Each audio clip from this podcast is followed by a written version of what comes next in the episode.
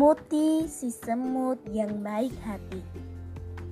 Di sebuah hutan hidup banyak sekali hewan.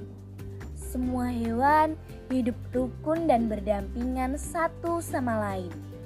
Salah satunya ada Muti, semut kecil yang baik hati dan suka menolong. Hari ini Muti berkeliling menyusuri hutan untuk mencari makanan. Wah, sejuk sekali udara di hutan ini. Banyak pohon tumbuh di sini. Guman Muti. Ia terus berjalan sambil melihat-lihat keadaan sekitar. Muti sangat disukai oleh hewan-hewan lain di hutan. Setiap hewan lain membutuhkan pertolongan, Muti selalu siap membantu. Di tengah perjalanan mencari makan, Muti bertemu dengan Betty, seekor belalang yang baik hati. Betty juga sangat ramah. Betty menyapa Muti. Kamu mau ke mana, Mut? Tanya Betty. Aku sedang berkeliling mencari makanan, Bet. Jawab Muti. Hati-hati ya, Mut. Semoga kamu mendapat makanan yang banyak. Aku pergi dulu ya. Balas Betty. Iya Betty, kamu juga hati-hati di jalan, ucap Muti. Muti melanjutkan perjalanan mencari makanan. Setelah mendapatkan makanan yang cukup, Muti kembali pulang ke rumah. Namun, ketika hendak sampai di rumahnya, Muti bertemu dengan semut lain. Semut itu bernama Emo. Emo sangat pemalas dan iri hati. Emo iri terhadap Muti. Emo menyiapkan jebakan untuk Muti. Suatu hari, Emo menghadang Muti yang hendak pulang ke rumah. Ada yang bisa aku bantu, Mo? Sapa Muti. Cepat, serahkan makanan itu, gertak Emo. Aku tidak akan menyerahkan makanan ini. Aku mencarinya dengan susah payah, ucap Muti. Muti tidak ingin berdebat dengan Emo, sehingga Muti segera pergi. Emo mengejar Muti dari belakang bersama teman-temannya.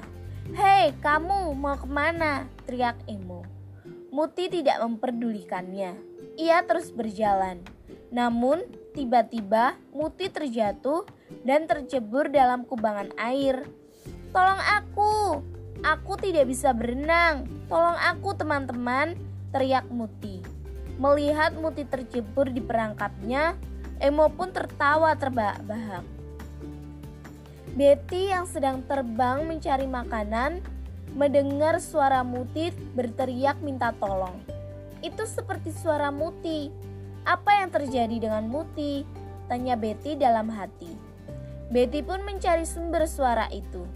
Setelah menemukan sumber suara itu, Betty sangat terkejut Betty melihat Muti yang pingsan terapung di atas air. Betty segera menolong Muti. Betty mengangkat Muti dari air. Setelah Muti siuman, Betty menanyainya, "Mengapa kamu ada di dalam kubangan air tadi, Mut?" Tanya Betty. "Tadi waktu aku pulang, aku bertemu dengan Emo dan teman-temannya." Lalu aku berlari dan terkena perangkap Emo, jelas Muti. Emo sungguh keterlaluan, kita harus membalasnya Mut, kata Betty. Jangan Betty, aku tidak mau dendam, biarkan saja. Aku yakin suatu saat ia pasti akan sadar, kata Muti. Kamu memang memiliki hati yang baik, Mut, puji Betty. Muti dan Betty saling menolong tanpa memandang perbedaan di antara mereka.